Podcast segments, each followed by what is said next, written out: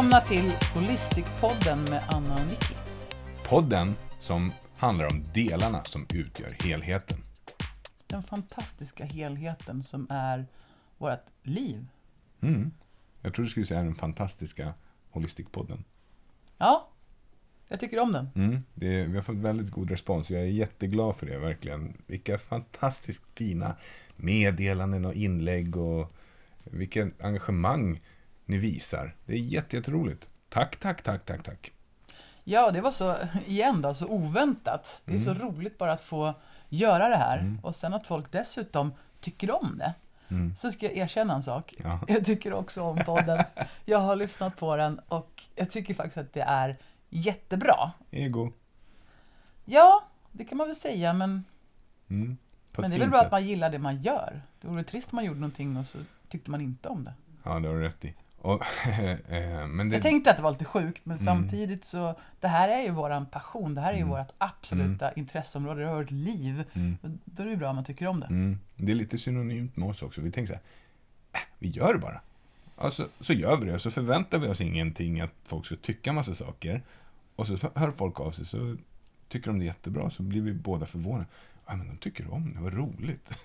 Ja, men det var kul, det är Ja, jättekul. det Och eh, jag tror att det vi bägge två vill, sen vi började jobba tillsammans, Mm. det är ju att sprida välmående. Mm. Och i vilket slag, det spelar inte så stor roll. Men Nej. den här grejen att få, om man kan, hjälpa människor att må bättre via kost, via träning, via coaching, via samtal, via socialt umgänge. Det spelar inte så stor roll. Nej. Alla har ju olika ingångsvinklar till Ja. bättre hälsa. Ja. Och det tror jag att både du och jag brinner för. Det är precis det där. Och, och jag tror att vi båda är i grund och botten hjälpare. Vi kanske har olika ingång i det. Verkligen. Men eh, båda ser ett högre syfte med det, med det, den, det mission vi har. Det uppdrag vi har. Mm. Och det, det tycker jag är, det sammanfogar oss på något sätt. Mm. Mm. Du, en liten, en liten kortis om veckan som har gått. Vad, vad minns du? Veckan som har gått, nu ska jag tänka tillbaka lite grann. Vi poddade ju sent i lördagskväll därför Mm. Ja. att det var så himla mycket veckan innan dess. Ja, och- att du var bortrest och grejer. Exakt, det var jättesent. Vi var ju klara typ 11 Ja, på lördag kväll. Mm. Men, eh, och det gör att veckan då inte har varit så lång. just det. Det har bara gått några dagar. Ja, verkligen. Så jag kan ju berätta om igår så var jag på roliga möten. Mm. Först började med en, en, en VD-coachning som jag hade, som var jätteintressant. Och sen efter det åkte jag in till Stockholm och så tänkte jag jag ska vara lite miljösnäll så jag tar bilen in. Och, och eller vad säger jag? Förlåt. ja, jag ska vara lite miljösnäll så jag tar tåg.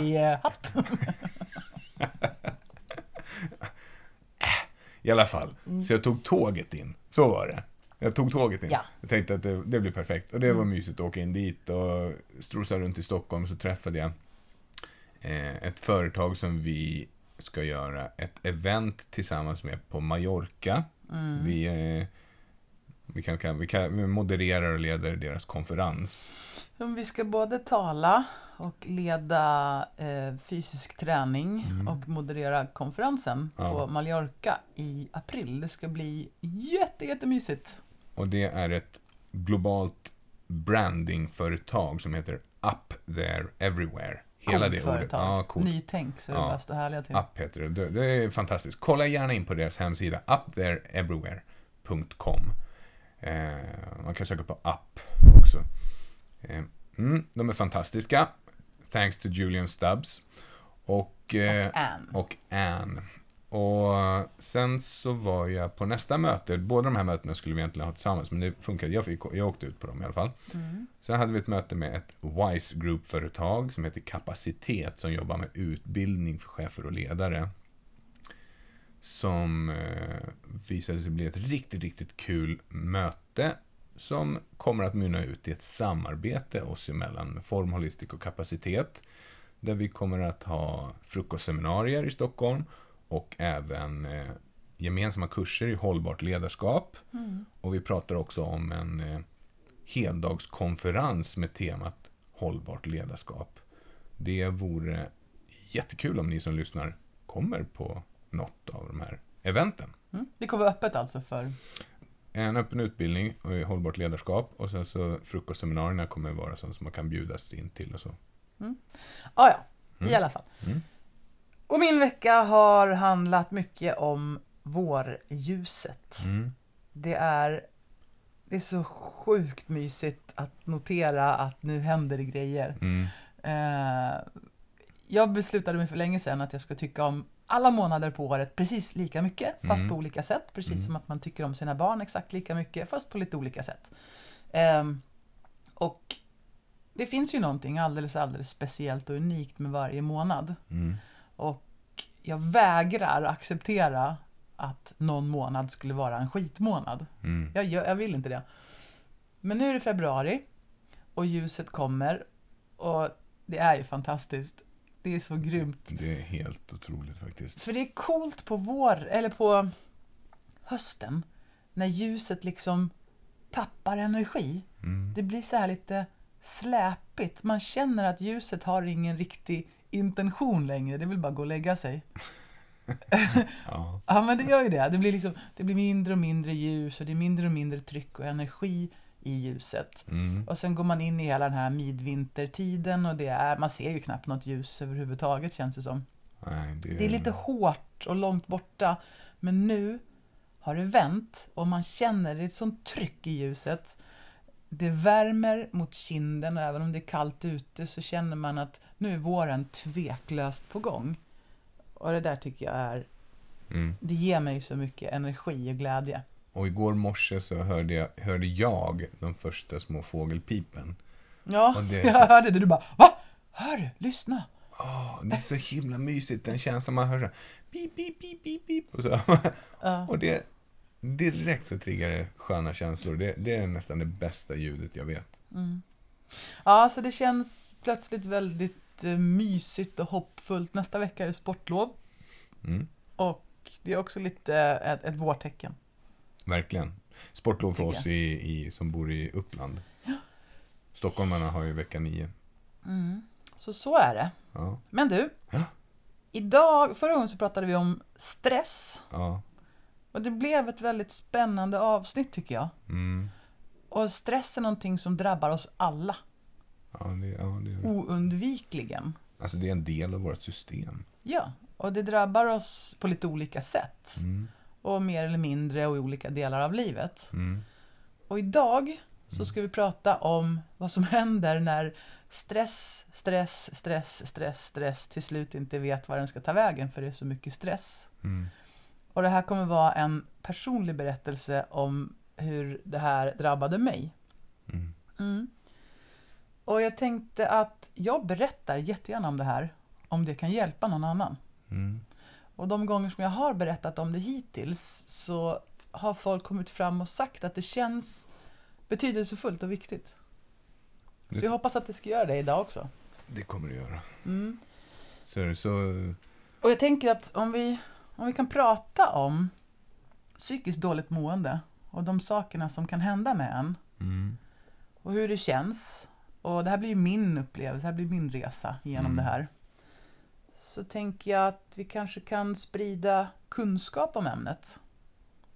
För jag visste inte särskilt mycket innan. Jag visste i alla fall inte på det här sättet som jag vet nu. Inte jag heller. Jag var medvetet inkompetent. Okej.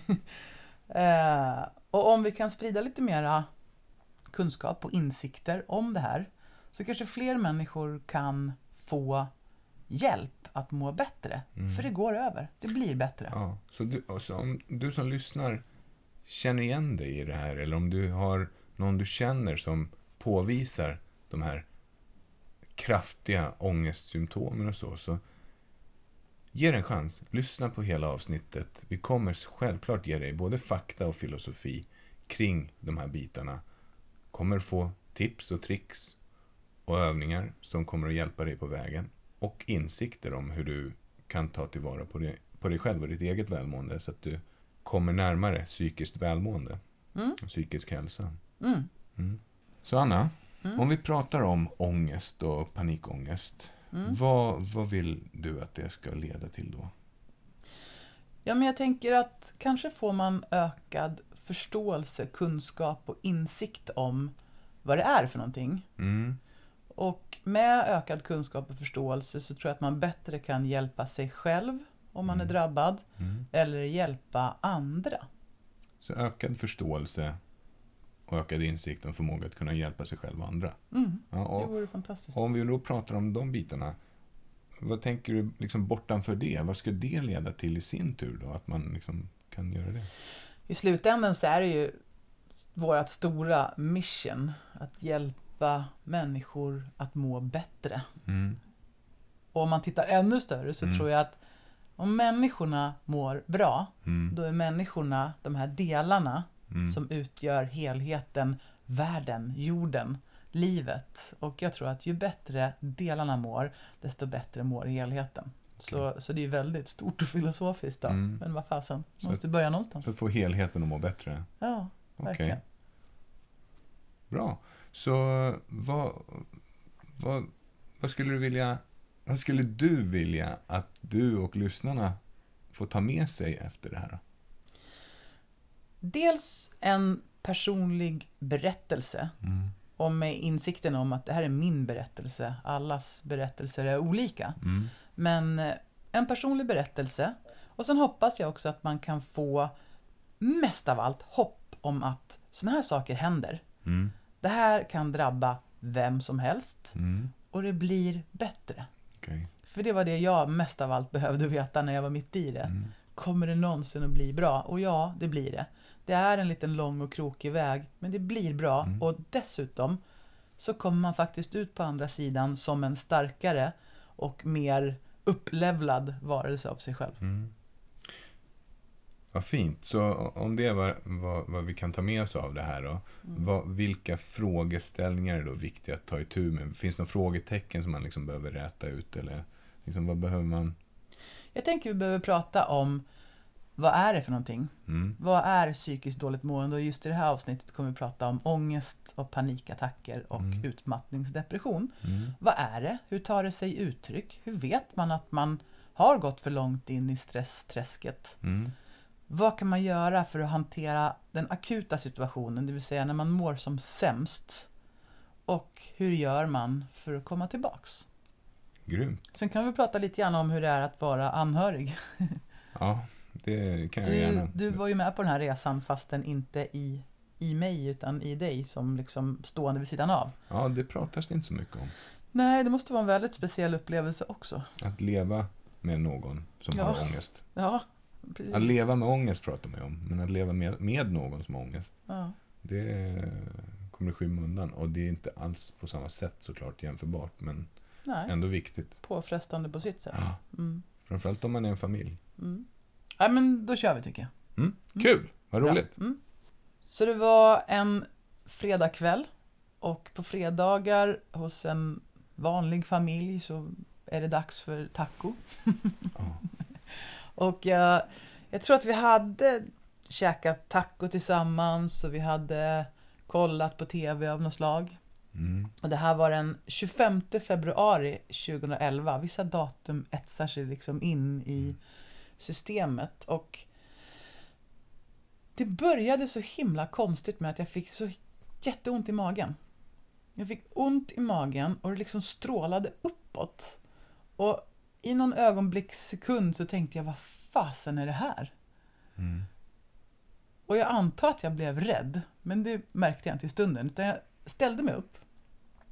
Och då, då blev jag svimfärdig. Mm. Så jag la mig ner. Och så skulle jag säga till dig, kan du kolla mitt blodtryck? Vi har ju så här blodtrycksmanschett hemma. Mm.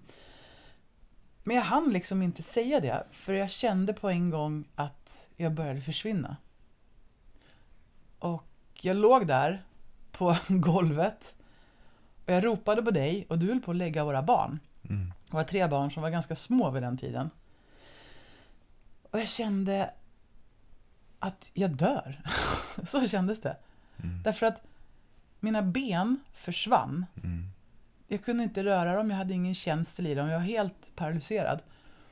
Och jag kunde inte heller röra mina armar eller mina händer. Och det var som att det här liksom bara kröp in mot mitten. Det gick så himla fort. Jag kände att synen försvann. Jag kunde knappt prata.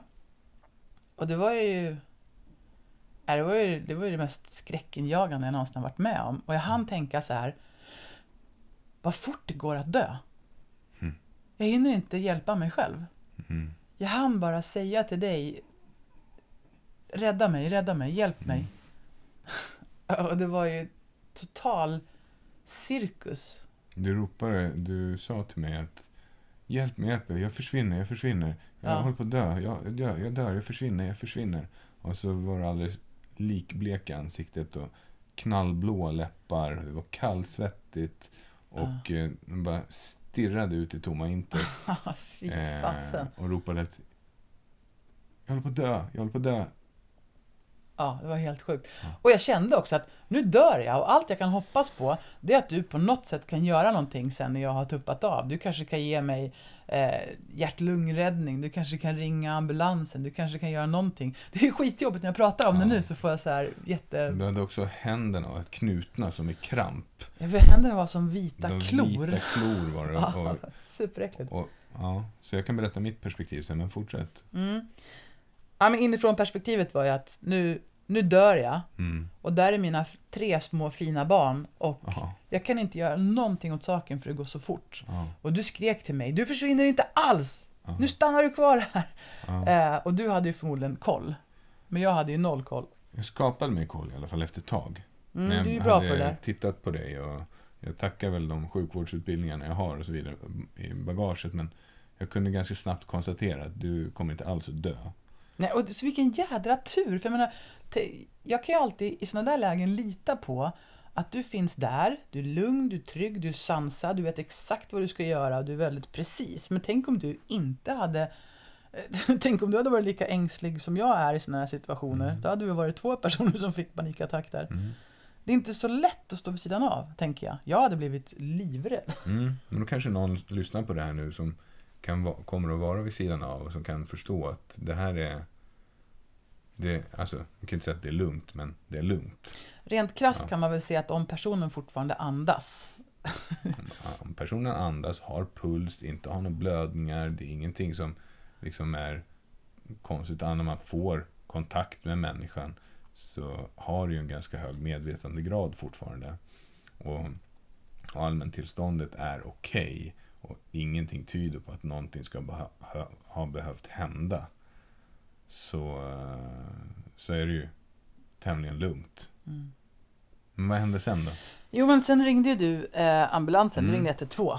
Mm. Och eh, Kom då, fick jag, då fick jag, ja brandkåren kom dit och allt det här var ju, mitt i alltihop som hände så tyckte jag att det var så fruktansvärt pinsamt. För att samtidigt som jag kände att jag höll på att dö, så kände jag ju också att ska jag komma här och ta upp plats för folk som är sjuka på riktigt? Alltså på något När sätt så jag, bara, visste jag ju. när jag bara håller på att dö. Ja, ja, men det var blandat. Det var ju jättepinsamt. Och så kommer brandmännen och jag tror jag kände väl säkert hälften av dem egentligen, men jag vet inte riktigt. Genom ditt yrke som naprapat. Ja, men precis. Ja. Så vi bor i en liten by. Det var, det var ju liksom pinsamt och jobbigt. Men jag fick prata med någon där på 112 Ja. som sa till mig att eh, andas. Mm.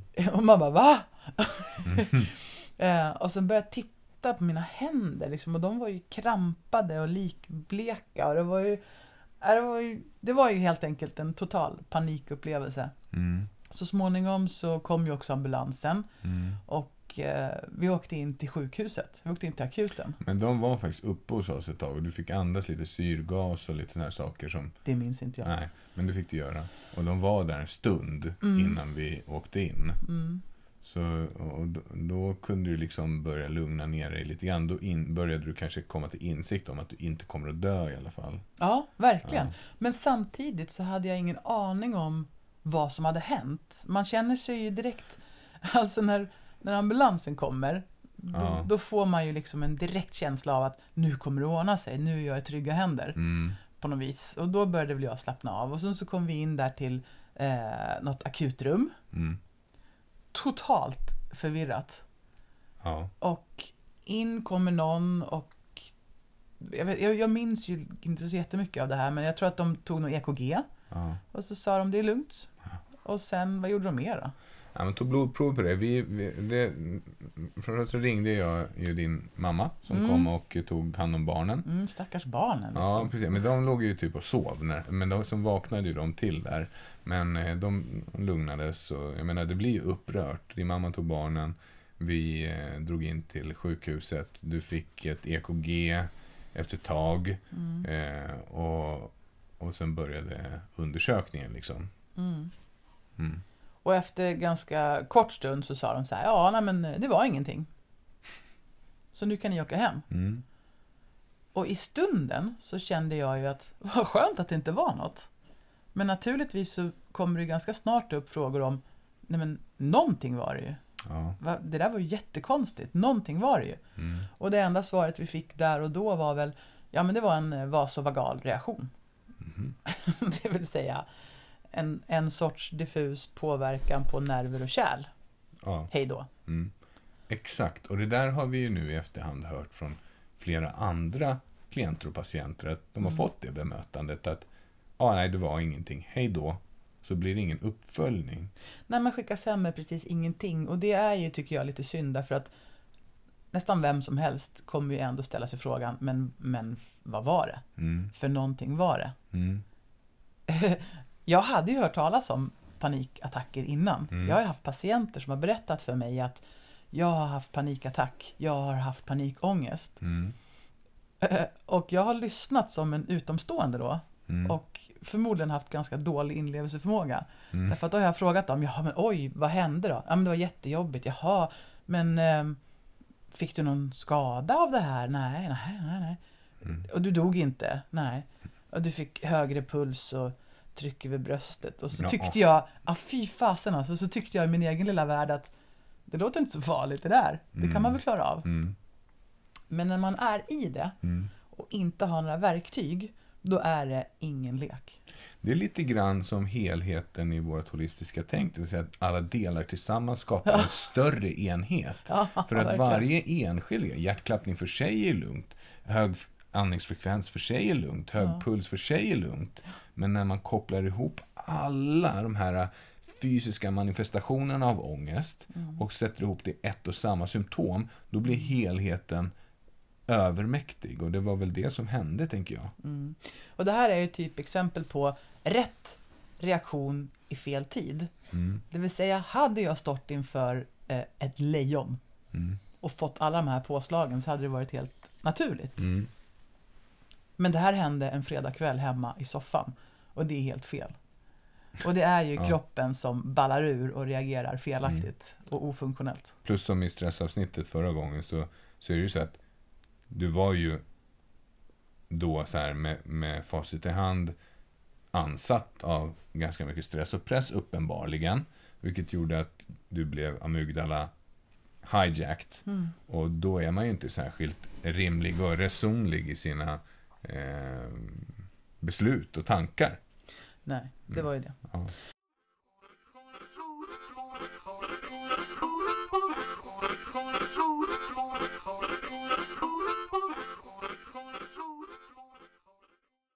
Så vad är ångest då? Det är inte alltid man vet att det man känner i kroppen är ångest. Ångest är reaktioner från nervsystemet som du inte kan styra själv. Det kan kännas otroligt obehagligt att ha ångest, men det är inte farligt. Overklighetskänslor är någonting som kan komma upp. Man kan känna att det inte finns något tydligt yttre hot som kan skapa den här känslan, men man känner ändå att det känns overkligt att man lever i en bubbla avskärmad från omvärlden. Man blir känsligare för stress eh, och det är ett tillstånd som går över av sig själv oftast på några minuter men tanken på ångest kan stanna kvar länge och göra dig rädd för att känslan ska komma tillbaka. Panikångest det är ångest som kommer plötsligt och oväntat intensivt. Det kallas för panikångest. Ibland kallas det även för ångestattack eller panikattack. Och om du får en panikattack är det vanligt att du känner att hjärtat slår ovanligt hårt och snabbt, får svårt att andas eller känner en tyngd över bröstet. Kan få ont i magen, må illa eller känner en klump i halsen eller magen, känns som att du måste svälja hela tiden. Du kan få det som man kallar för lufthunger, att man liksom vill få mer luft men man får liksom inte i sig den. Kan svettas och få frossa, kan känna dig yr, kan få svindelkänslor eller tunnelseende. Känner stickningar eller domningar i händerna eller fötterna. Du kan få diarré, darrar, skakar eller känner dig svag i musklerna. Du kan ha en eller flera av de här symptomen och att få en panikattack kan kännas otroligt obehagligt och skrämmande, som att man håller på att dö eller tappa vettet och förståndet. Ingenting av det här är farligt och det kommer att gå över av sig själv. Även om panikattacken går över snabbt kan upplevelsen vara så skrämmande att du tänker otroligt mycket på upplevelsen av panikattacken och börjar göra allt för att undvika att det ska hända igen. Om du har återkommande panikattacker under minst en månad och är så rädd för att få en ny attack att du börjar begränsa ditt liv kan du ha fått något som kallas för paniksyndrom. Och då finns det behandling som hjälper och det kommer vi prata mer om vidare i podden.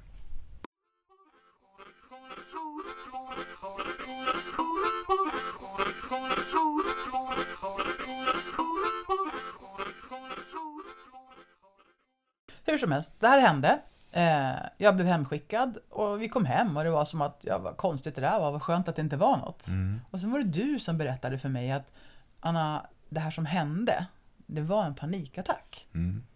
Och det är någonting som kan hända. Och huvudsaken är liksom att man inte sen känner någon kvarstående oro och sådär.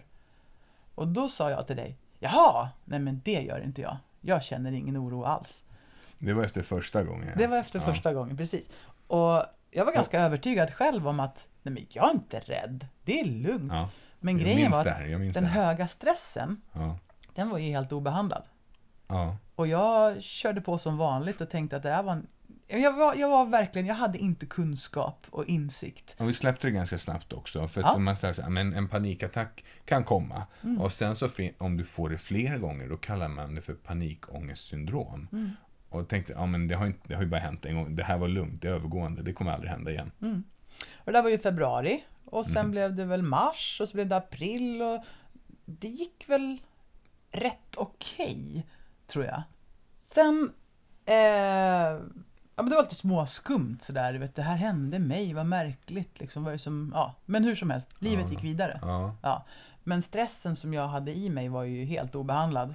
Mm. Eh, och i och med att vi inte fick någon som helst indikation heller på att ta kontakt med någon, sök vård. Alltså Eh, hade du bara fått höra, det du upplevde nu var en panikångestattack. Och det har med stress att göra. Mm. Om du bara hade fått höra det, de orden, då hade ju du mest troligt kunnat läsa på om det här, förstå mer och kanske ta andra beslut. Det är, jag, det är min skarpa övertygelse. Mm, Men du fick inte höra det nämnas ens. nej. Jag hörde inte heller, jag tänkte inte heller på... Jag började googla på de här symptomen och, och hittade de här sakerna. Men jag kunde inte vara säker eftersom på vården hade de sagt att "Äh, det var ingenting. Mm. Eh, Sen blev det maj och vi hade ju lite uppdrag på gång och vi hade en, en träningsresa inbokad. Det var ju det som var grejen. Vi hade våran första träningsresa utomlands. I Kroatien. Ja. Yes, vi hade rådat ihop precis allting själv inför den här resan. Och vi, du vet, folk var anmälda. Vi Mm. var taggade som tusan. Mm. Och vi tog med oss våra kids Mm. och så flög vi ner dit och så kom vi till ön och vi var där några dagar innan för att vi skulle förbereda och greja. Mm. Eh, och redan inför den här resan när vi fortfarande var hemma så började ångesten liksom den började krypa i mig. Naturligtvis därför att stressen och pressen inför att man skulle leverera någonting bra gick Mm. upp. Och jag försökte väl deala med det där på ett sätt liksom och tyckte att jag var ganska duktig. Jag kom på att om jag går och går och går och går när ångesten kommer så kändes det lite bättre. Om jag Mm. sysselsätter mig med någonting så känns det lite bättre. Så jag fick så här små tricks och knep och grejer. Mm. I alla fall så kom vi ner till ön och träningsresan skulle strax påbörjas. eh, och jag får jordens ångestattack. Alltså det här var något helt annat. Dagen innan deltagarna skulle komma var det väl? Ja, för grejen var att hittills hade det varit så här att när ångesten kom, då, då kunde man nästan liksom klocka det här. Ja. Att det, det ökade, gick upp, pikade och sen gick det ner och sen fick man en frossa-attack. Alltså en, Ja. man fick så här frossa efteråt och då visste man att nu är det över. Mm. Och när man läste i böcker och grejer så kunde man se att det här brukar, på, på en halvtimme så är det klart. Mm. Liksom kvart till halvtimme. Mm. Men den ångesten jag fick när vi var där på ön, den satt i i timmar och den var gastkramande och det var om möjligt då tio nivåer värre än det jag hade upplevt där i februari. Det var någon som beskrev ångest om den här känslan av när man drömmer. Man drömmer att man faller. Och man ramlar ner. Den här känslan när man liksom vaknar upp av ett ryck i sängen. När man känner att man liksom faller i ett sömntillstånd. Eller på väg att somna in. Det är mm. läskiga känslan. Men hela tiden. Varje sekund. Varje minut. Och det tar inte slut. Nej, precis, precis så. Det är liksom det är gastkramande i varje sekund och du vill bara krypa ur ett skinn. Det, det går inte att sätta ord på Mm. hur jävla intensivt det är. Eh, och helt klart får man känslor av att nu vill jag bara avsluta det här. Därför Mm. att det här är för tungt. Men det går att Ja. hålla ut. Så vi hade en av våra anställda med oss också. Da, eh, Danne. Danne, ja, Pet. Peter Danne som driver Keep Training i Uppsala. Ja, han var jättesnäll. Han, Ja. han gick med mig och han sa jag har också haft det här. Och eh, vi gick och vi promenerade och vi pratade och jag var ju jag var knappt närvarande men han var ett bra stöd. Mm. Och ganska snart så stod det ju klart att vi måste göra någonting åt situationen därför att jag var, alltså jag var bortom allt i flera timmar. Ja. Så det var någon som ringde till någon som hade känt så här, som hade eh, en bra dos av Valium Ja, men det, det kom sig inte av en slump, utan det var ju så här, du hade den här feta panikattacken Mm. och du mådde ju skit och det var ju all, alla i min familj, min mamma och pappa, de var där oroliga. Anna-Märta var där också. Mm. Och, och eh, eh, vi började diskutera, men så ringde vi till en av våra mentorer som vi har haft också Mm. under våran eh, praktiktjänstgörning för En jätteduktig psykiater. En, en docent, överläkare i psykiatri som heter Abdulbagi Aman, eh, som har jobbat i, på, i Uppsala. Och han sa att nah, men det här är panikångest och ni, eh, för att kunna hantera det här nu så frågade jag, finns det någon medicin eller någonting som man kan ta nu? Och då nämnde han eh, då, vad heter den? Valium, Stesolid. Va- Stesolid, Mm. Valium ja. Det är en lugnande Ja. tablett som på sikt vill man ju inte, man vill egentligen inte skriva ut den här därför att den är beroendeframkallande. Ja, Kan vara. ja, För mig var den inte det. nej. Men kan vara det. Och han Mm. sa att det går bra att ta en full dos av detta under en vecka. Tills ni kommer hem till Sverige, då behöver Och du sen ta måste hjälp. man söka hjälp. Ja. Mm. Så då fick vi Valium, eller Stesolid, eller motsvarande vad det nu hette på kroatiska, eh, av någon Mm. granne. Mm. Och sen på morgonen efter så fick vi åka tidigt som tusan in till sjukhuset eh, i Kroatien och så fick vi förklara för dem att så här och så här ligger det Ja. till. Och det roliga, vilket Ja. vi har upptäckt med vården i Kroatien Mm. ändå, trots Mm. allt, att de är ganska rakt på sak. För hon, läkaren där som Mm. var på akuten, hon sa så här, det här är panikångest Ja. och du måste få hjälp. Och så skrev Det hon vet ut, ju inte jag för jag förstod inte vad de sa. ja, så, så sa de. Men, och så fick du en karta med det här Ja. och så en, en, en indikation på liksom att du behöver få hjälp sen. Mm. Eh, men det kan inte vi göra här. Utan eh, se till så att du tar det här och så gav de vilka doser du skulle ha. Så. Vi har ju varit en del i Kroatien eftersom dina föräldrar, eh, din pappa kommer därifrån. Mm. Och de gånger vi har behövt uppsöka sjukvården när vi Ja. varit där så känns det ju som att komma in i en krigszon när man kommer in på sjukhuset. Ja. Det är ju verkligen risiga Dålig lokaler. standard, liksom. Men människorna och vården har varit utomordentlig. Ja. Så, så bra.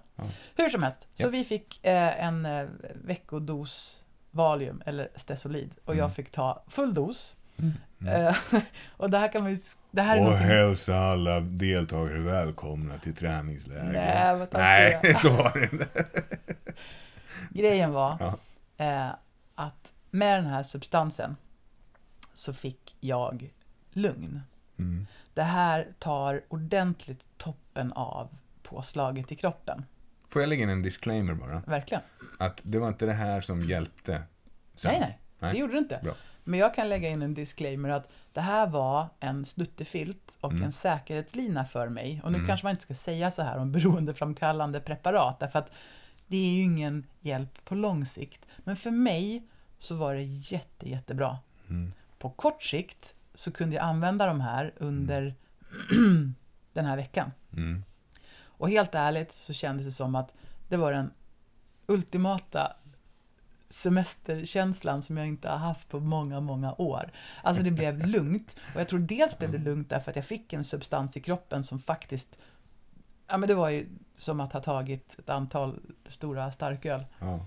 dygnet runt. Ja. Man, man blev lite lugn och skön. Och sen var det också den mentala insikten om att nu är det lugnt. Nu behöver jag för första gången på flera månader inte vara rädd för att det ska komma ångest. Alltså jag trodde på tabletten och därför Ja. fick jag placeboeffekten av att det är lugnt, jag är trygg, det här kommer gå bra. Ja. Så det här blev en otroligt skön vecka för mig. För de som var deltagare på det här lägret som inte har hört den här storyn ännu så vet ni i alla fall att det var så. Jag tror inte någon märkte det faktiskt utan du gjorde som vanligt ett riktigt bra jobb. Du är alltid professionell, du gör alltid bra saker och eh, det blev ju liksom en, en omtalad resa som Det verkligen blev en jättefin resa. berörde människor. Jag höll i alla mina pass som jag skulle hålla i. Jag hade morgonyoga varje morgon och kanske pratade jag lite långsammare än vanligt. Det Vilket ju bara möjligt. var bra. Ja, Uh, jag hade alla du mina hade pass. danspass du hade föreläsningar. Ja, absolut. Ja. Eh, jag, jag höll i alla mina bitar, vilket är ganska lustigt då att plikten är så jädra stark. Mm. Men hur som helst, det Mm. blev bra och jag mådde riktigt bra och det var en sån här surreal känsla på veckan. Kan verkligen föreställa mig det. Men vi genomförde hela veckan och eh, vi kom hem och det var helt ärligt en av de mer vilsamma veckorna jag hade upplevt då på många månader och år faktiskt. Mm. Eh, sen kom vi hem Mm. och jag skulle då söka hjälp. Så hur var det för dig då att stå vid sidan av där och inse att nu ska vi, nu ska vi leverera vår första träningsresa utomlands och min partner är helt urflippad. Ja, jag är faktiskt överraskad över min reaktion där, för jag skulle lika gärna kunna flippa ur lite grann. Men eh, jag samlade mig ganska snabbt och jag och Danne eh, fick ju då självständigt hålla i de här trådarna och försöka göra det bästa av situationen. Och det blev också bra liksom så här i efterhand. Men sen var ju barnen och alla de här bitarna.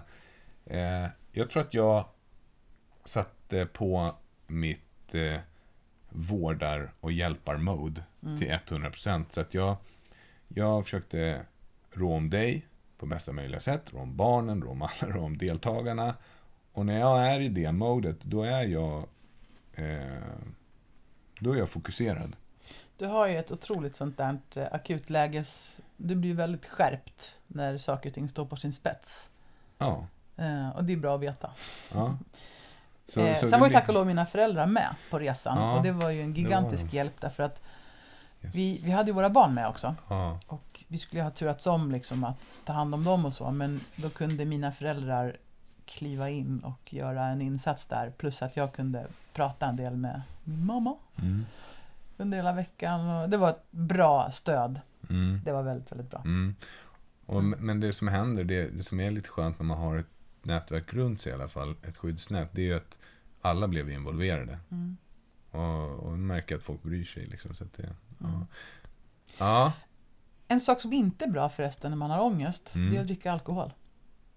Nej, det blir sällan bra va? Kan jag säga. Ja, därför att det som hände på vägen ner, det var ju att dels hade jag eh, ångest Mm. och dels så brukar jag vara så här lite ängslig när jag ska flyga. Mm. Så jag svepte en eller två eller tre stora öl. Och det är kul så länge det varar. Ja. Men när det går ur kroppen, Mm. då kommer liksom ångesten, den vanliga, plus det man sköt upp. Mm. Det vill säga du får en ångesttopp när alkohol går ur kroppen. Ja. Och det är ganska oönskat när man är i ett akut läge av ångest och så. Så alkohol och ångest, no de good. går inte ihop alls. Det går inte alls ihop. Eh, vilket gjorde att jag tog ett tvärstopp på alkohol Mm. under ett års tid. När vi kom hem så var ju tabletterna slut och jag var väldigt införstådd med att det här kan jag inte fortsätta med. Ja. Utan eh, då gick jag till vårdcentralen Mm. och sökte hjälp. Eh, och den första kontakten blev väl sådär. Då träffade jag en kvinna som sa att du kan ju prova på en tablett som heter Atarax. Det är någonting som man kan använda när man har ångest. Och funktionen hos Atarax är väl att det tar ner eh, Det är en allergimedicin kan man säga. Ja, precis. Det är Mm. histaminpåverkan. Mm. Den funkade för mig absolut inte. Nej, Och du s- fick hjärtklappning av det. Ja, jag blev skitnervös. Jag vet inte. Det, Ja. det var nocebo-effekt. Det blev inte alls bra. Sen fick jag också tips av henne att eh, gå till en psykoterapeut. Mm. Hon sa den här personen tycker jag du ska träffa. Hon är eh, bra. Och jag gick dit. Och eh, eftersom jag är en ganska intensiv person så sökte jag samtidigt hjälp hos ytterligare en person. Mm. Och ytterligare en person. Mm. Jag sökte hjälp hos tre personer samtidigt. Mm. Eh, en av personerna var coach. Fantastiskt duktig, kompetent coach. Men när man, har, när man är mitt i en ångestsituation då är coaching inte det bästa. Därför att du behöver handfast vägledning i hur du ska hantera de akuta eh, ångestsymptomen. Och coaching går ut på att inte vara rådgivande och därför så är det ingen hit. Sen besökte jag ytterligare en person som jobbade med EMDR som är eh, en teknik där man använder bland annat ögonrörelser. Och det här har varit väldigt, väldigt effektivt i vissa situationer och för vissa personer. För mig funkade det inte. Sen fick jag besöka en kvinna som var psykodynamisk terapeut. Det vill säga att man jobbar ganska traditionellt med att börja med att gå tillbaks till hur var det när jag var liten? Och det här är någonting som man gör för att förstå sig på mönster som man har lärt sig när man växte upp som sen kan påverka en som vuxen. Det är säkert jättebra effektivt så småningom, men i en akut panikångestsituation så är det inte läge. Man är inte mottaglig för den typen av terapi. Nej. Utan det jag behövde, det var ju hands-on hjälp med min, min panik, med min ångest. Mm. Och det fick jag inte av någon av de här tre. Ingen skugga ska falla på dem för det de gjorde. De gjorde fantastiska insatser, men deras specialitet var inte att hantera akut ångest. Och det är det man behöver få hjälp med, anser jag. Mm. Så det blev ju liksom inte bättre, utan för efter att vi kom hem där i maj och sen juni, det var ju det var jobbigt. Det var Man kan väldigt, säga så här, den psykodynamiska eh, sessionen, den triggade ju en panikattack hos dig. Så att jag, du ringde till mig och eh, sa att du kan inte Jag blev du paralyserad. kan inte röra dig någonstans, du måste komma och hämta mig i stan. Och då gjorde jag det, då kom jag dit och fick hämta dig med bil liksom. Ja, Så precis så var det. det här är så jäkla intressant att tänka på. För att människor runt omkring vet ju inte det här. Nej. De som inte är initierade. För de pågick ju vardagen som vanligt. Men, Mm. men det här var ju det här var ju ganska som anhörig till en som lider av ångest och panikattacker. Så blir man ju väldigt ofta maktlös. För att om saker och ting har bestämts, det här ska göras, om man planerar någonting och så pang! Så slår ångesten på. Så försvinner det. På tre sekunder så är planen förstörd. Och så måste du tänka på ett nytt sätt för att då har du ångesten att dela med också. Det, var, det, det är inte alltid helt lätt, kan jag säga. Nej. Man måste liksom uppbåda ett stort mått av förståelse och acceptans och det tycker jag, det har tagit tid att göra det. Ja, eh, det som händer då när man blir drabbad av någonting sånt här, Mm. det är ju att man hela tiden, man, jag, Mm. hela tiden gick omkring med en känsla av att jag dör, jag dör. Någonstans så vet man att jag dör inte. Men det är ändå en påtaglig känsla av att man hela tiden är under livsfara. Så sjukt jobbigt det måste vara. Och det är den här reptilhjärnan som i stort sett tar över. Man kallar det för amygdala hijack. Reptilhjärnan som inte är så reflekterande och klok utan bara söker hot och livsfara, den säger nu tar jag över. Ja. Det är krissituation. Och därför går man omkring och känner hela tiden att jag, jag dör, jag dör, jag dör. Mm. Det är jätte, jättejobbigt och obegripligt. Ehm, och det innebär att man börjar undvika saker. Mm. Man undviker saker som man vanligtvis gör. Man är inte glad för man är hela tiden stressad. Eh, Man är inte särskilt sugen på att umgås med folk. Man kanske slutar upp med att träna därför att man är livrädd för att jag kommer dö om jag sticker ut och springer. Mm. Så ens liv krymper väldigt, väldigt fort. Man umgås inte, man går inte ut och man kanske till och med börjar tänka så här att om jag inte hade ångest och panik nu, då skulle jag Mm. resa, träna, ta den där kursen och så vidare. Och här kan man bli fast ganska länge. Jag har träffat patienter själv som har varit fast där i många, många år. Mm. Jag skulle vilja, men det går ju inte, för jag mår som jag mår. Mm. Eh, och det ska ju visa sig sen då att det är precis det där man behöver göra Mm. ändå. Så vi liksom går framåt från det här och vad hände Mm. sen? Vad var liksom... Det som hände sen, det var att, eh, jag vet inte hur vi tänkte så här i efterhand, det var ju aspuckat, men vi åkte på en månads semester till Kroatien, till samma ö där vi var när allting blev som allra värst. Och självklart var jag toktriggad av den här platsen. Mm. Så vi behövde i stort sett bara komma till ön så började jag må riktigt jädra ännu sämre. Alltså jag mådde verkligen jätte, jättedåligt. Ehm, jag hade snackat till mig Stesolidtabletter hemma. Mm. Vården, vårdcentralen ville ju såklart inte skriva ut en beroendeframkallande tablett, men jag sa att jag, jag kommer inte använda den här, men jag behöver den som en trygghet, en snuttefilt, att veta med mig att om paniken blir så svår så jag känner att jag inte klarar mig själv, Mm. då vill jag veta att jag kan ta den här tabletten. Mm. Och det tog jag faktiskt ansvar för. Mm. Därför att jag tog så lite som möjligt, så sällan som möjligt, men den fanns där och jag visste att jag kan ta en tablett och inom en kvart, 20 minuter så kommer det kännas bättre. Mm. Och helt ärligt så tycker jag att det är en schysst sak som man kan bjussa på. Mm. Hur som helst, vi åkte till Kroatien och vi var där i en månad och jag mådde ju sämre och sämre och sämre.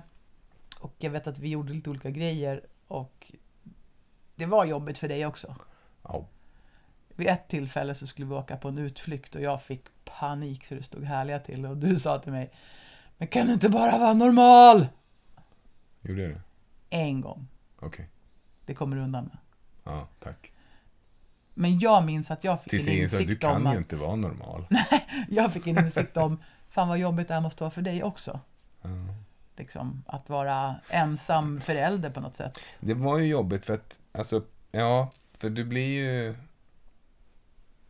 Alltså, du, det är ju fortfarande, det är något konstigt mellanting. Du kan ju fortfarande ta hand om dig själv, men du blir väldigt frånvarande och avstängd då. Mm. Och det var ju jobbigt att ta, den biten var faktiskt jobbig att ta hand om när det gäller att vara både eh, din partner och barnens far, Mm, alltså förälder. mm, Det ju, ja det var speciellt. mm. Ja, vi var där i en månad och för mig så var det som eh, ett, eh, en dimma. Mm. Det var svinjobbigt. Och eh, sen kom vi hem och i min värld så kändes det som att om jag bara får komma ifrån den där ön så blir det bra. Hmm. Men det blev inte bra.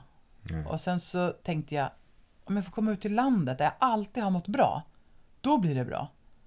Och så kom vi till landstället. Och det var ju panik där också. Mm. Och vid ett tillfälle så tog jag kajaken, som jag brukar göra ibland, när Mm. jag eh, bara vill känna en skön känsla. Så jag tog kajaken, hoppade i den, Eh, havskajak, ganska vinglig havskajak. paddlade rakt ut på öppet hav. Och när jag kommit tillräckligt långt så kom jag på, shit, vad gör jag? Fruktansvärt! Tänk, för man får den här känslan, jag kommer dö, jag kommer svimma. Eh, nej, jag har mina tabletter. Nej, de har jag inte. Jag har min telefon. Nej, den har jag inte heller. Det var ju, äh, det var ju mega jobbigt. Nej, så det var stark ångest och panik även på landet. Och mitt på havet. Och mitt på havet, men också hela tiden när vi var där. Mm. Och hjärnan funkar ju så här när man är tokstressad, att man vill fly hela tiden. Mm. Så jag ville fly från Kroatien, men det funkade inte. Och till slut så ville jag fly från landstället. Jag tänkte om jag Mm. bara får komma hem, då blir allt bra. Mm. Och då hade jag hängt upp så mycket på att om jag bara får komma hem, då blir allt bra. Och så kom jag hem och så fortsatte eländet och då tappade jag det totalt. Därför då kändes det som att nu har jag letat och letat och letat men jag kan inte fly ifrån den här vidriga känslan av att jag tappar det. Mm. Och jag kände hur jag försvann mer och mer och mer. Och mitt liv försvann och allt som fanns kvar var den här gastkramande skräcken. Och jag på riktigt kände så här. Antingen så dör jag, Mm. eller så kommer jag faktiskt att bli sjuk i huvudet. Alltså mental, jag kommer bli inspärrad. Mm. Och jag kände framförallt att jag försvinner ifrån mina barn och mina barn kommer aldrig någonsin mer att få se sin mamma. så som den jag trodde att jag skulle få vara för dem. Ja. Antingen så kommer de att förlora sin mamma helt, Ja. eller så kommer de få besöka en mamma inspärrad på ett mentalsjukhus för jag blir helt knäpp i huvudet. Mm. Och det där, den känslan, då kom den här stunden där man känner att jag var ju så rädd för att dö, för jag ville inte dö. Och samtidigt så känner jag att jag orkar inte leva. Om det ska vara så här, att ta sig igenom en dag, då orkar jag inte leva. Och den känslan var skitjobbig. Och det var då jag insåg att nu, nu måste någonting hända. Nu gör jag vad som helst.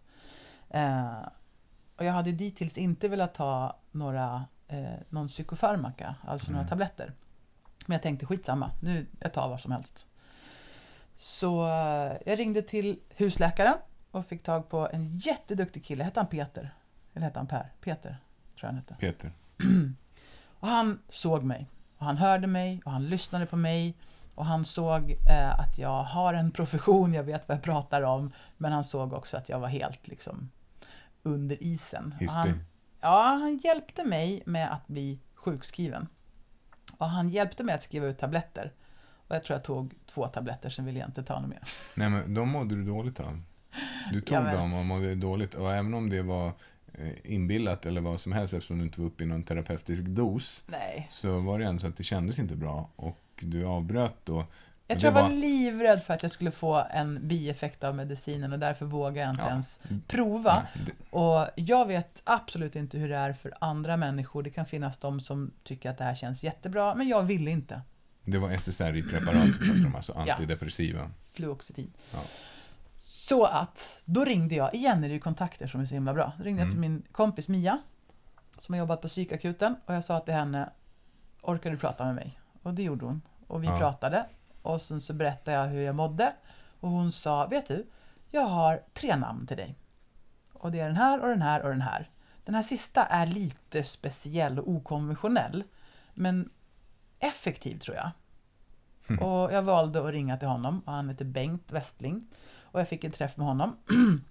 och det här blev ett speciellt möte och det var nu allting vände. Mm. Han var utpräglad KBT-terapeut. Eh, är han professor möjligtvis? Ingen aning. Men han introducerade väl KBT i Uppsala. Ja, han har byggt upp KBT-utbildningen i Uppsala. Så han är väldigt, väldigt, väldigt duktig Mm. och bra. Han skalade av allt. Han gav fullständigt fasen i hur jag har växt upp eller eh, Mm. hur jobbigt det var med allting. Han lyssnade bara in på Okej, vad är det du upplever? Jag Mm. upplever det här och det här och det här, det är så jobbigt och besvärligt. Det struntar han i. Mm. Han lyssnade lagom mycket på det. Mm. Men sen frågar han mig, vad är det du gör när du får ångest? Ja, men jag, jag har alltid med mig vatten för jag blir så himla torr i halsen. Så jag måste dricka vatten hela tiden. Och sen så måste jag spela på min telefon. Och sen så måste jag gå omkring. Och då sa han, bra, då gör du tvärtom. Va? Och det kändes för mig som att jag var en person utan några som helst verktyg och redskap. Mm. Eh, jag hade liksom ingenting och det enda lilla som jag hade, det ryckte han bort. Så han sa, du får inte spela på telefonen, Mm. du får inte ha med dig vatten och du får inte gå omkring. Nej men vad ska jag då göra? Ja, du ska bara sitta ner och så önskar jag att du får riktigt mycket panik så att du får träna på det. En del av mig tänkte, han är fan inte klok i huvudet. Mm. Och en annan del av mig flög därifrån på små rosa moln. För det kändes som att om han önskade mig en kraftig panikattack så jag fick träna. Och om han sa att jag skulle klara mig utan mina snuttefiltar, då kan det inte vara farligt. Så Mm. det var den bästa veckan jag hade haft på länge. Därifrån vände det faktiskt. Kan du ge något exempel på någon form av liksom eh, övning som han bad dig göra under sessionerna? Bara för att liksom förstärka effekten. Jo, men en sak som han gjorde som passade mig väldigt bra, det var att han sa, jag hade ju upplevt panikattack och panikångest och obehaget av att bli yr, eh, känna att pulsen ökar, känna trycket över bröstet, att man får svårt att andas. Alla de här sakerna är ju sjukt obehagliga att deala med. Mm. Och då sa han, ska vi se om vi kan få fram en sån här panikattack? Eh, eller känslan av det i alla fall. Ja. Och jag var ju beredd att göra vad som helst. Så sa han så här, kan du, kan du hyperventilera för mig i, vad det nu var, två, tre minuter? Ordentligt va? Ja, ordentligt. Sitta och verkligen så här flåsa in och ut. Mm. Och bara, ja, absolut, det kan jag väl göra. Lite pinsamt var det, men jag gjorde det i alla fall. Mm. Och när jag gjorde det, man sitter och hyperventilerar en, två, tre minuter, så kom ju alla symptomen. Alla symptomen. Det började pirra och sticka i händerna. Nu har jag glömt många av de symptomen jag tyckte var så jobbiga, men det var ju precis det. Mm. Jag fick domningar och det pirrade och det stack, jag hade svårt att andas och tryck över bröstet och Mm. yrseln tyckte jag var det värsta. Mm. Så en sak som han sa, det var ju då att då fick jag frammana det här.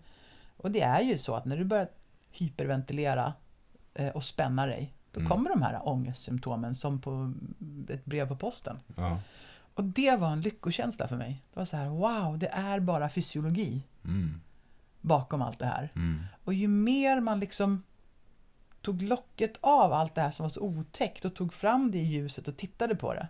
Så rent krasst så fick jag sluta med trygghetsbeteenden och så fick jag sluta med undvikande beteenden. Mm. Det vill säga sånt som jag undvek. Nej, men jag, jag kan inte gå på stan för då kanske det här och det här händer.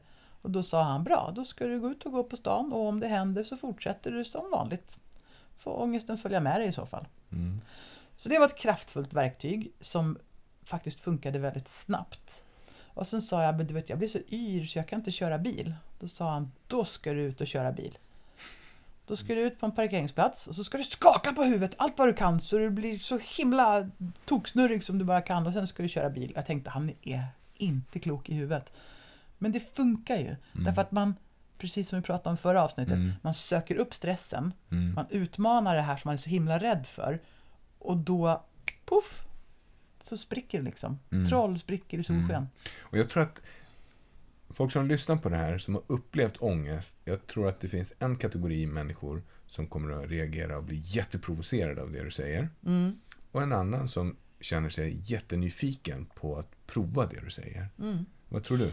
Absolut, så är det ju. Och det som verkligen är sant är att det här är min berättelse. Mm. Och beroende på allt som jag... Jag är uppväxt en mamma som alltid har behandlat mig ganska mycket med tough love. Mm. Det vill säga, äh! Snyt dig, kamma till dig och gå till jobbet. Det är typ. bara en arm. Plocka upp den igen. Nej, men, eh, min mamma har varit ganska så här, krass och rakt på sak med mig. Och för mig är det en trygghet. Mm. Och nu råkade jag träffa på en människa som var precis så. Och för mig blev det bra. Men det är inte säkert att det hade blivit perfekt för någon annan. Nej. Utan man får verkligen känna sig fram. Mm. Eh, han utmanade mig Mm. och det passade mig väldigt bra och jag tycker att det var en effektiv behandlingsmetod. Jag har själv träffat på många patienter efter det här och vet att det här funkar. Det funkar varje gång. Ja. Och jag kommer att tänka på en sak, en fundering. Mm. Det är att han behandlade ju dina, be, eh, dina symptom, Mm. alltså dina beteenden, Mm. som ju då egentligen kom sig av de här känslorna av ångest Mm. som du har. Mm. Och då måste man ju ändå tänka att det, det, det är fysiologin liksom bakom det, och psykologin Mm. bakom. Men sen så är det ju tankarna Mm. som skapade känslorna, som skapade beteendet. Vilket han också behandlade. För att det heter ju Ja. kognitiv beteendeterapi. Mm. Och det betyder att man tar ju med både tankar och beteende och de känslorna som involveras. Så Mm. En sak som jag ägnade mig mycket åt Mm. och som jag tror att folk med ångest och oro ägnar sig mycket åt Mm. är ju någonting som kallas för katastroftankar. Kan du berätta mer? Jo, det är ytterligare ett exempel på den här reptilhjärnan, amygdala. Den jobbar ju med att förutse katastrofer, även de som aldrig har hänt och aldrig kommer att hända. Mm. Så att man går omkring i stort sett från morgon till kväll och tänker framåt i tiden och målar upp katastrofscenarion. Mm. Vad skulle kunna gå åt helvete? Hur skulle det kunna bli om jag sticker ut och springer nu? Ja, men jag skulle kunna svimma mitt i skogen och så är det ingen som hör mig och sen så slutar jag andas och sen så dör jag. Sådana Mm. saker håller man på med Mm. från morgon till kväll. Eh, Jobbigt. så även där fick vi titta på en strategi för att välja sina tankar. Och ett knep där, det är att man behöver prata högt med sig själv. Så det fick jag göra. Mm. Eh, Kan du berätta om det? Vad, vad då? Pra- Ja. har man, pratar man med sig själv? Det har man ju alltid hört. Så det, är- det, är så, det är larvigt. i en situation när man är så kapad av sin reptilhjärna så måste man vara lite övertydlig med allt. Mm. Så att eh, när man märker att man har ångest, mår dåligt, är orolig och får de här symptomen så kan man också observera vad jag går och tänker nu. Och sen får man säga till sig själv Hmm, nu fick jag en tanke om att jag trodde att jag skulle dö. Men egentligen så vet jag ju att så är det inte. Mm. Egentligen så vet jag att just nu så är jag hårt stressad och förmodligen så andas jag lite kortare och flåsigare än vad jag borde just nu och det skapar den här tryckkänslan över bröstet. Men det är helt okej. Mm.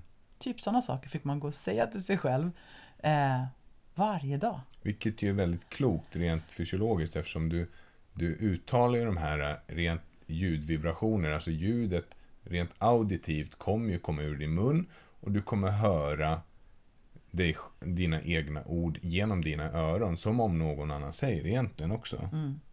Så du upplever ju... Mm, När jag backtrackade Efter- mig själv, mm, när man började fundera över varför, varför hände det här egentligen? Varför blev det som det blev? mm, Då kunde jag ju spåra det här tillbaka. Det här hände 2011.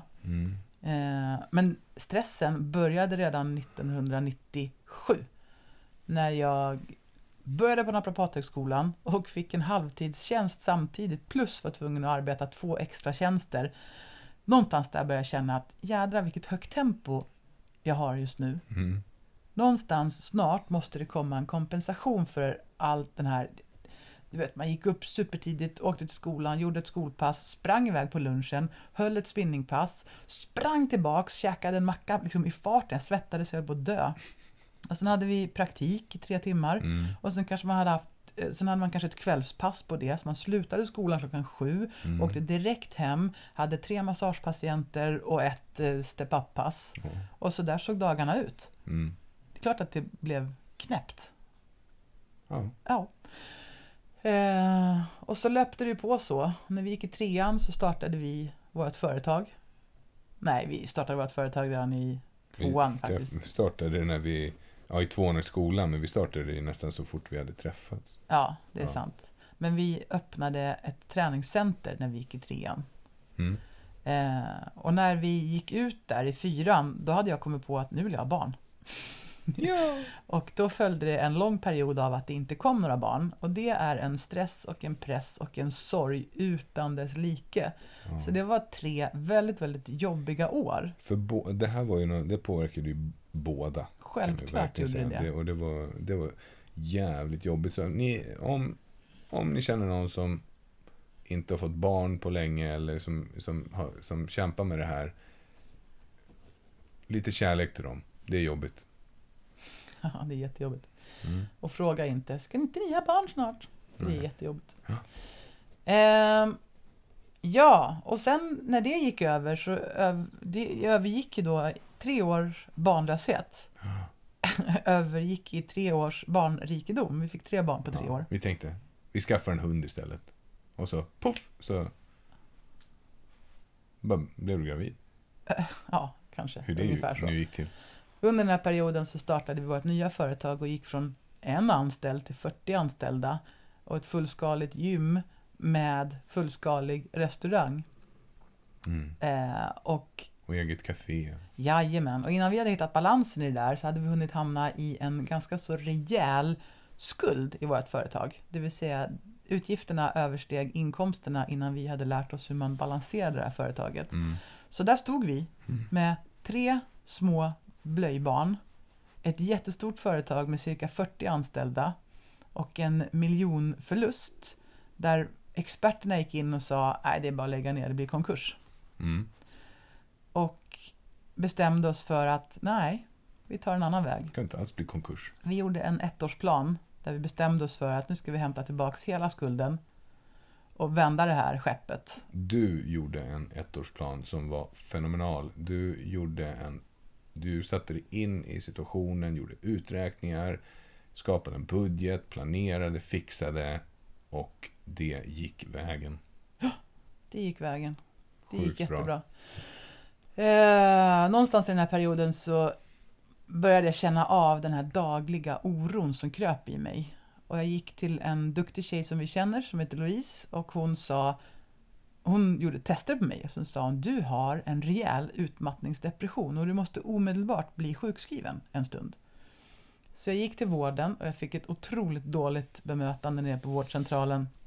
Där de bemötte mig som om jag var en bidragsfuskare och sa ja men du vet du kan inte hålla på och springa här bara för att du är lite trött. eh, och jag kände på något sätt att det här orkar jag inte med. Det här orkar jag med mindre. Då orkar jag hellre med att jobba än att bli bemött som skit. Mm. Så det blev ingenting av med någonting där i stort sett. Och sen knallade, knallade det på. Hur som helst, när vi hade kommit ut ur tunneln på andra sidan Mm. och vi hade gått upp klockan fem och öppnat vårt ställe och vi hade jobbat så in i Norden så gjort allt vi kunde för att hinna med barn och företag och vi hade vänt den här skulden till någonting positivt. Mm. Eh, och saker och ting hade liksom ordnat till sig. Mm. Då började jag få väldigt, väldigt ont i magen. Just det. Och så här i efterhand så vet man ju att när stressen har varit lång och länge, då funkar inte magen. Så jag fick jätte, jätte ont i magen och det var jobbigt för mig för jag tänkte nu är jag sjuk på riktigt, hej och hå, cancer och allt vad det kan vara. Så jag gick under ganska så många, gick på undersökningar och grejer. Och det spolar oss fram till februari när det liksom smällde till. Så allting Mm. ordnade sig och då känner väl kroppen att nu är det lugnt, nu kan vi släppa på Mm. allt det där uppdämda. Ja. Ja. Och sen så har ju du fått levt med efterdyningarna av det här lite grann kan man ju säga, eller hur? Ja, men för det första är så här, friskfaktorer i det här är att jag träffade en duktig, inkännande läkare som kunde lyssna på mig och han och jag kunde tillsammans samspela kring hur ska vi göra med sjukskrivning och vad är det jag behöver för någonting. Han försökte inte kalla mig för bidragsfuskare eller någonting sånt utan han lyssnade på mig. Mm. Och tillsammans så gjorde vi en plan för att nu är det lika bra att jag är heltidssjukskriven eh, och så småningom så kunde vi trappa upp. Mm. Eh, Jag hade också en läkare som kunde lyssna på mig och lät mig ta ansvar för att jag behövde ha de här burkarna med Stesolid som en liten snuttefilt, en Mm. liten livlina. Jag har fortfarande kvar dem.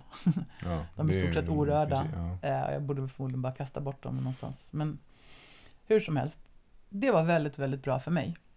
Sen var det fantastiskt bra att få träffa en effektiv KBT-terapeut som gick rakt in på vilka kognitiva och beteendemässiga förändringar jag behövde göra, alltså hands-on, verkligen göra dem. Det kändes som att han bad mig att hoppa 10 meter i höjd. Det kändes som att det går inte, jag kan inte, förstår du inte det? Men det gick. Mm. Och med hans hjälp, han var dessutom så här att han sa Du får ringa mig och smsa mig när som helst. Och det menar han verkligen. Han Mm. tog sig tid. Som jag ringde en söndagkväll, svarade han. Mm. Och så pratade han med Otroligt mig. Ja, det var helt otroligt. Sen är det ju så här att när man sen har fått den här puffen liksom och är på väg åt rätt håll så är det ju inte en spikrak väg. Utan jag minns att när det hade gått ett halvår så vaknade jag och var sur. Varför kan jag inte bara få vakna och må som vanligt? Typ på nivå noll. Mm. Istället fick man vakna och må på nivå minus 70. Mm. Och så fick man göra alla de där sakerna som man behövde göra bara för att känna sig normal. Alltså man fick meditera, skriva i min skrivbok, prata pratet med mig själv, försöka motionera. Mm. Eh, jag fick akupunktur för jag hade så enorma spänningar i nacken och axlarna. Mm. Så det var mycket liksom man fick kämpa med innan man började känna sig som sig själv igen. Mm.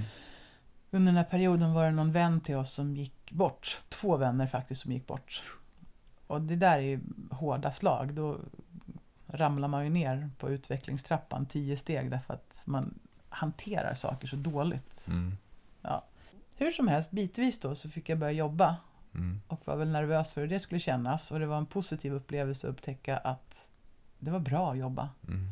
Det var de tre timmarna varje dag som jag inte tänkte på Mm. oro, ångest, död Mm. eh, och andra saker. Om man tar det ur ett holistiskt ledarskapsperspektiv, Mm. om du skulle säga en intervention som du har gjort på varje eh, liksom, del av de här tre Mm. delarna, relationer, psykologi och fysiologi. Vad, vad var det viktigaste du gjorde på relationsbiten? På relationsbiten handlar det väldigt mycket om eh, relationen till jaget, alltså till mig själv. Mm. jag var tvungen att försöka kontakta den sunda vuxna människan i mig själv. Bland annat genom att prata högt med mig själv. Spännande. Kanske ett ämne för, för bloggen.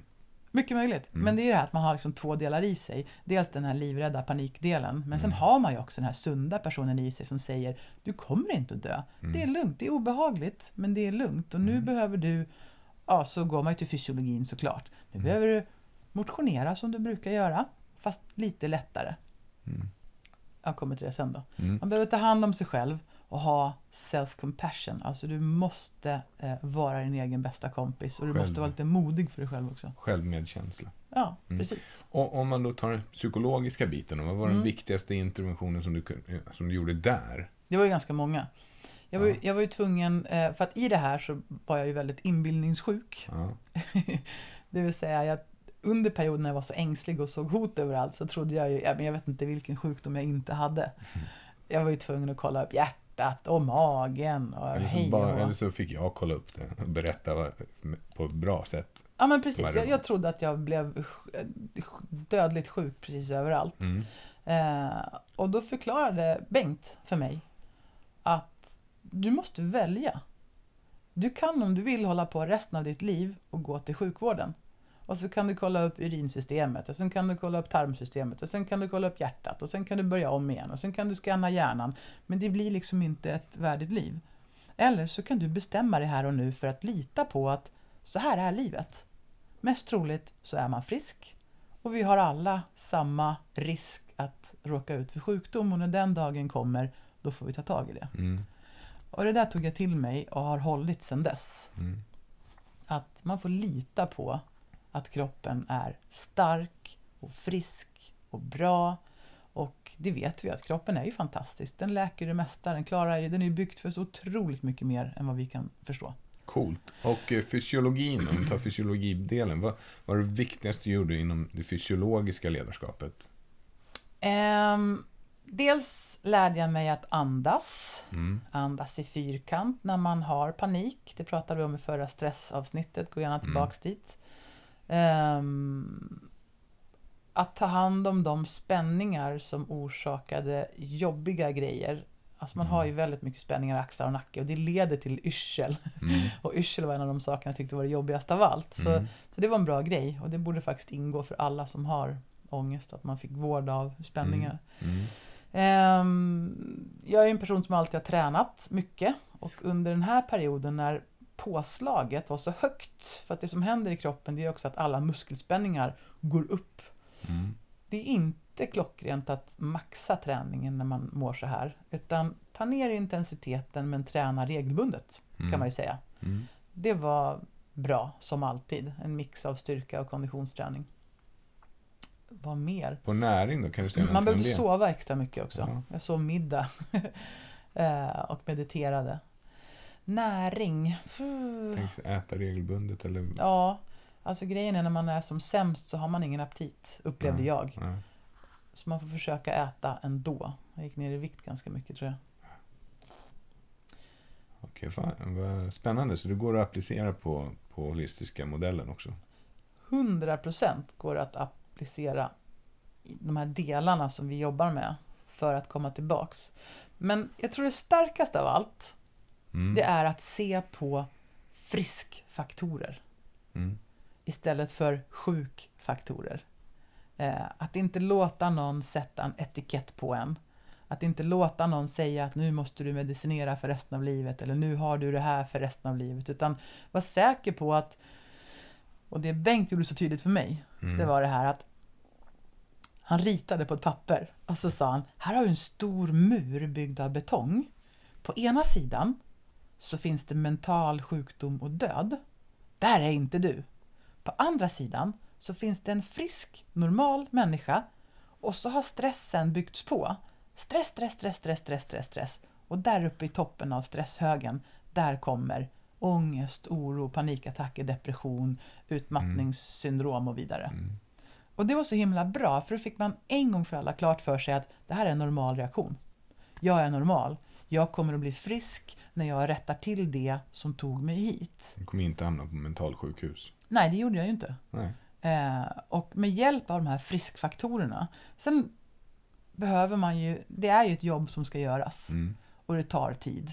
Och jag skulle vilja säga att efter ett år, då hade väldigt mycket hänt. Mm. Jag tror att efter ett år så kunde jag verkligen säga att wow, nu har jag kommit ur det här på andra sidan och jag har med mig verktyg. Mm.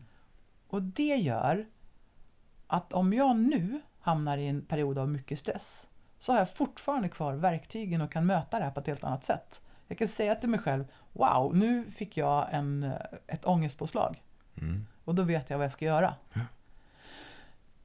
Du har också hjälpt mig jätte- jättemycket genom allt det här. Alltså otroligt mycket. Du har funnits där för mig alla gånger som jag har tappat tråden och tappat bort vad jag ska göra. Så har du hjälpt mig. Eh, och en sak är väl också att fortsätta utmana sig själv i att inte undvika grejer för att det är läskigt eller för att jag skulle kunna få ångest om jag gör det här. Mm. Utan att tvärtom fortsätta växa och erövra tillbaks livet. Mm.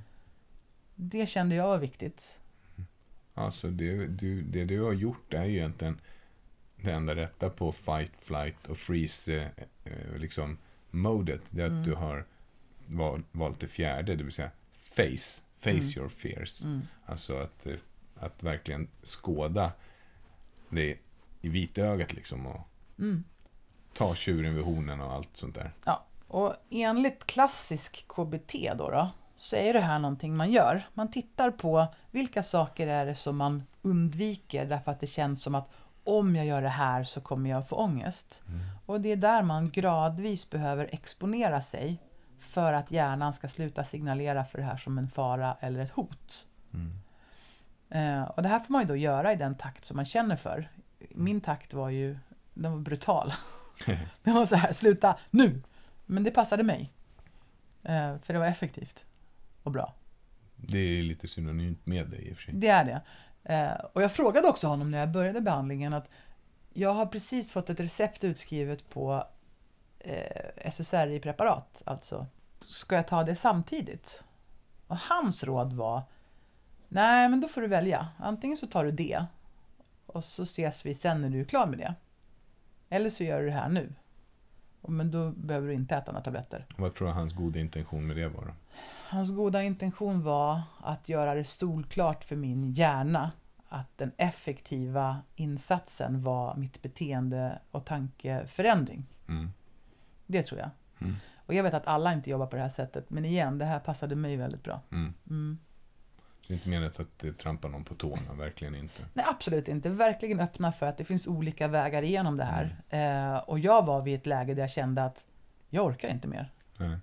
Och jag visste verkligen inte om jag skulle orka gå i behandling hos honom eller om jag skulle ta en respitperiod och bara försöka få medicinerna att lugna ner allting. Ja. Jag, jag visste faktiskt inte. Men nu valde jag så här. Mm. Och det som är, tycker jag, Mm. Det är att när man kommer ut på andra sidan, Mm. då kommer man ut som en mycket, mycket, mycket starkare version av sig själv. Mm.